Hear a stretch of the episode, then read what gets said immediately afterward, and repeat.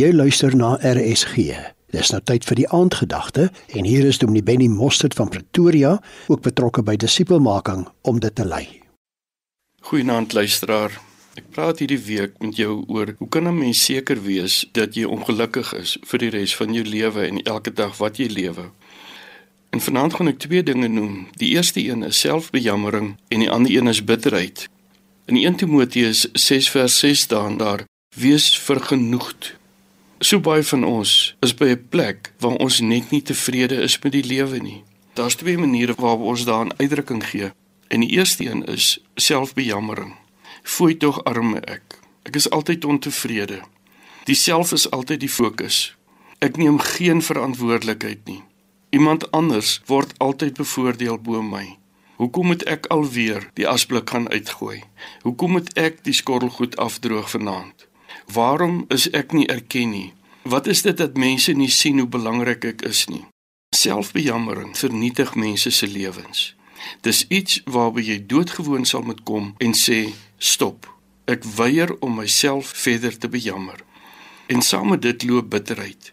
Gevoelens van verontregting, goed wat mense teenoor jou gedoen het en dit kom onder andere uit 'n wortel van bitterheid. En ek bedoel selfbejammering en bitterheid sit in mekaar soos doringdraad wat aan mekaar gehaak is.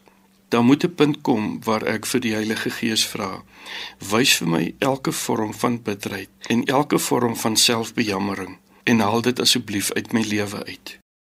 Ek moet hierdie twee goed voor die Here gaan bely: selfbejammering en bitterheid. En baie keer het dit te doen met iemand wat ek moet vergewe kom by die punt en vra vir die Here, wat is dit wat gebeur het dat hierdie twee goed in my lewe is en gaan vergewe daai persone?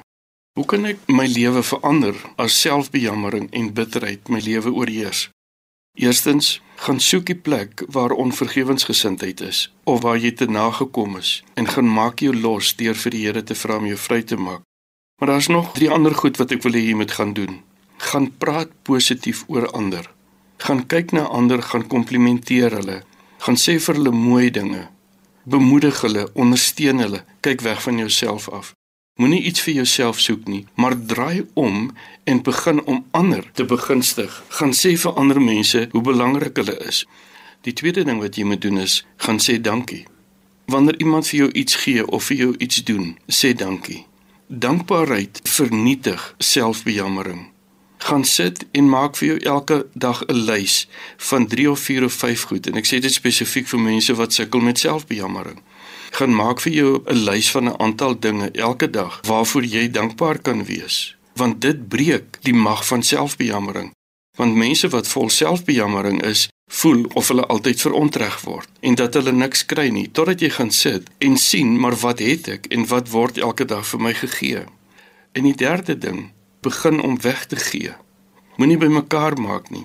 Iemand wat vol selfbejammering is, word ook 'n gierige hart. Hy maak by mekaar en hy kan nooit genoeg kry nie, want ek is so gevul met myself en vol selfbejammering dat ek nie kan weggee nie.